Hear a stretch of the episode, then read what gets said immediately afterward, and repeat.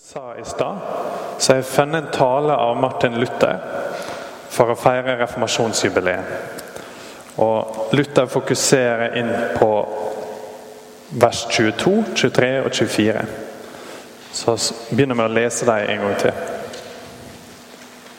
Lev ikke som før, men legg av det gamle mennesket som blir fortært av de forførende lystne. Bli nye i sjel og sinn. Kle dykk i det nye mennesket, som er skapt etter Guds bilde, til et liv i rettferd og heiligdom i samsvar med sanninga. Så I den teksten her så oppmuntrer Paulus oss til et godt liv. Han sier at vi må gjøre motstand mot synder, så må vi si nei til den. Så må vi oppmuntre hverandre og ta oss av hverandre. For det går an å tenke at det er sånn at unger de må få opplæring i kristendommen. De må få undervisning i hva det er som er viktig. og og kanskje også de som står utafor, de som er fremmede og ikke vet så masse om det. og De trenger kanskje litt, litt informasjon.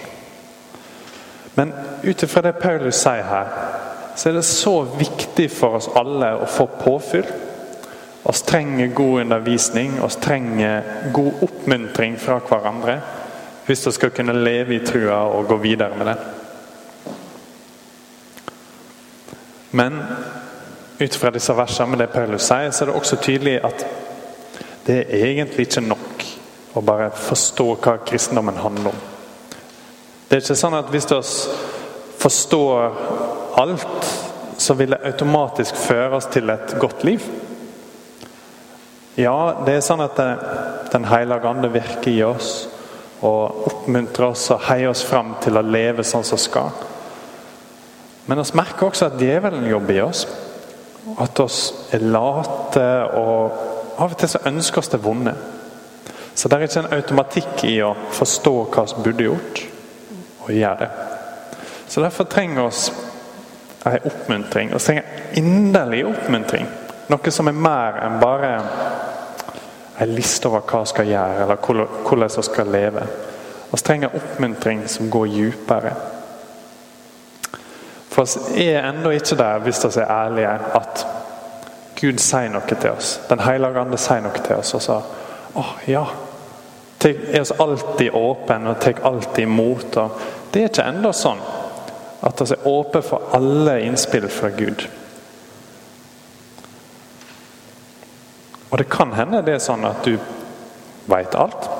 Kanskje du er kommet veldig langt i forståelsen av eh, kristendommen. Du kjenner Bibelen godt, og du, ja, du føler at nå har jeg taket på det. Men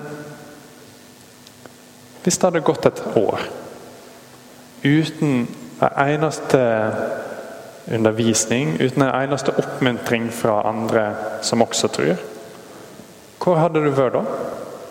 Kanskje hadde du vært mer fremmed da enn de som er fremmede i dag. Så vi er virkelig avhengig av den dype, gode oppmuntringa. Og Det er det Paulus snakker om her. Han sier i vers 22.: Lev ikke som før, men legg av det gamle mennesket som blir fortært av de forførende lystne. Og Da går det an å spørre hva i alle dager er det gamle mennesket? For Det er det Paulus snakker om her. ikke sant? Det gamle mennesket er Adam etter at han falt, etter syndefallet. Adam etter syndefallet er en helt annen person enn han var før. Plutselig så er han og oss som følger etter han, altså blinde av djevelen. Altså ødelagt i sjela og stoler ikke lenger på Gud. Og altså tenker ikke lenger på dommedag eller bekymrer oss for hva som skjer hvis vi gjør det gale. Kort sagt så kan du si at etter syndefallet så er det gamle mennesket det i oss som ikke bryr seg om Gud. Som ikke elsker Han og ikke vil ha noe med Han å gjøre. Så Paulus' i oppmuntring i vers 22 er ikke lev sånn. Kle det av deg, ta det av deg. For hva skal vi med den stoltheten? Kanskje kle den av oss? Hva skal vi med gjerrigheten? Legg den heller vekk. Hva skal vi med hatet? Kanskje ta det av oss og henge det på en knagg og glemme det. For Paulus sier at sanne kristne, hvis de vil være det, hvis de ikke vil være hyklere som bare later som, så må vi leve på en måte der det er synlig at vi og ser evangeliet. Vi lever med Guds nåde framfor oss og hans godhet, sånn at det former oss. At vi blir endra av det og påvirka av det. At det går an å merke her er en gjeng som, som vet noe spesielt. De går ikke rundt og tror de er bedre enn alle andre. Men de går rundt og tror på en som tilgir, og som er full av nåde.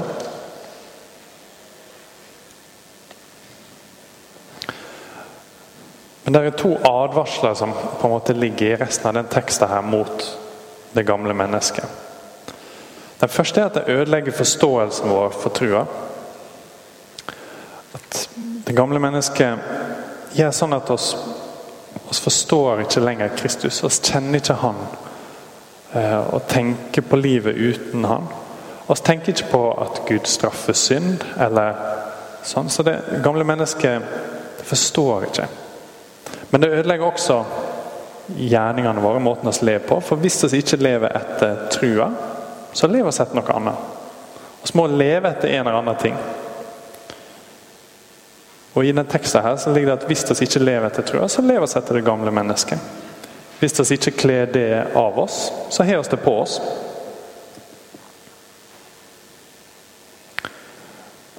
Og det gamle mennesket vil ingenting som er godt for oss.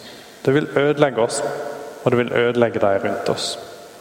Så Paulus sier enkelt og greit vi må kle det av oss. Så vi kan ikke både nyte den gode nåden som oss får fra Gud, og fortsatt leve i den gamle synda uten å ta avstand fra den, og uten å lengte etter å endre oss. Ok, Så det er det gamle mennesket. Men hva, hva er det nye mennesket? Du ser på vers 23 og 24, bli nye i sjel og sinn, kle dere i det nye mennesket. Måten vi kler på oss det nye mennesket, er at vi hører på hva Gud har å si. At vi går til Han i bønn. At vi får et rett syn på hvem Han er. At Han virkelig tilgir oss hvis vi ber Han om det. Vi blir nye i sjel og sinn, som Paulus kaller det, hvis vi bruker disse tingene. Hvis vi bruker Bibelen, bruker bønn, bruker det kristne fellesskapet til å la Den hellige ande forme oss. Til at han kan jobbe på oss og bygge oss opp i tru. Sånn at Guds bilde i oss kommer tydeligere fram. For Adam var skapt i Guds bilde. ikke sant? Og med det så fulgte det et nært og sunt og godt forhold til Gud. Men så falt Adam. Hadde syndefallet. Og Derfor får ikke oss det sånn som han hadde det. Han mista det, og han mista det også på vegne av oss. Så det er ikke naturlig og automatisk sånn at vi har et nært og godt forhold til Gud. Men Den hellige ande har lyst til å jobbe i oss til å fornye det bildet, sånn at det kommer tilbake og blir tydelig igjen. Og Da er det ikke nok å late som å se helligere enn å se. Det er noen som gjør det. De får seg en åndelig jobb og tenker kanskje de sjøl eller andre blir imponert av det, men det betyr ingenting.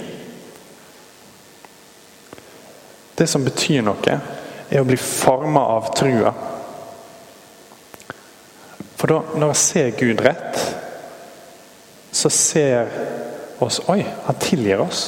Når Gud ser på oss, så ser han oss like rettferdige som Adam var før han falt. Egentlig enda mer. Han ser oss like rettferdige som Kristus er nå. For oss lever ikke pga. vår egen prestasjon eller vår rettferdighet, men pga. Kristus' i rettferdighet. Og På den måten så kan Guds bilde i oss komme tydeligere frem, sånn at livet vårt kan bli et nydelig og tydelig portrett av Gud. Men hvordan skal vi få til dette? For synd, i oss er så alvorlig at vi har ikke det i oss sjøl. Det er ikke nok å bare se inn i seg sjøl og finne på en måte kraften. Ok, nå, nå, skal jeg ta av meg det gamle mennesket og på det nye. Det er ikke sånn det funker. For oss er ødelagt, så vi trenger hjelp utenfra. Og Det er der trua kommer inn. Ved trua på Jesus Kristus så kan vi igjen være glad og frimodige framfor Gud. Det står Kle dere i det nye mennesket som er skapt etter Guds bilde, til et liv i rettferd og helligdom i samsvar med sanninga. Det er sant at vi har fått en rettferdighet og en hellighet som er Jesus si. Så nå kan vi leve den ut. Vi trenger ikke å gå med tunge sinn og føle oss dystre. Kristus har frelst oss. Så det er bare sånn. Dette er den eneste måten at oss virkelig kan bli forandra på.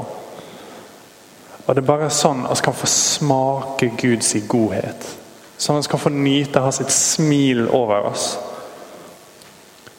Og det er den måten vi kan kle av oss det gamle mennesket og kle på oss det nye mennesket. Ikke med egen prestasjon, men med Guds smil. Så lev livet ditt sånn som det står i rettferd og i hellighet i samsvar med sanninga. Amen.